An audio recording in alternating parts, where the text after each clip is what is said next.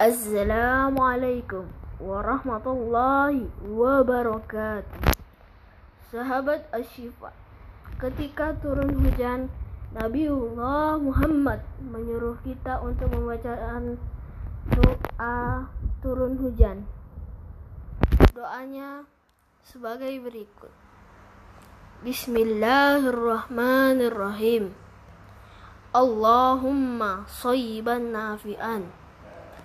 Doa inilah yang dipakai saat turun hujan.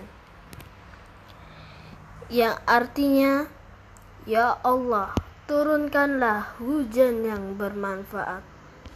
Wassalamualaikum warahmatullahi wabarakatuh.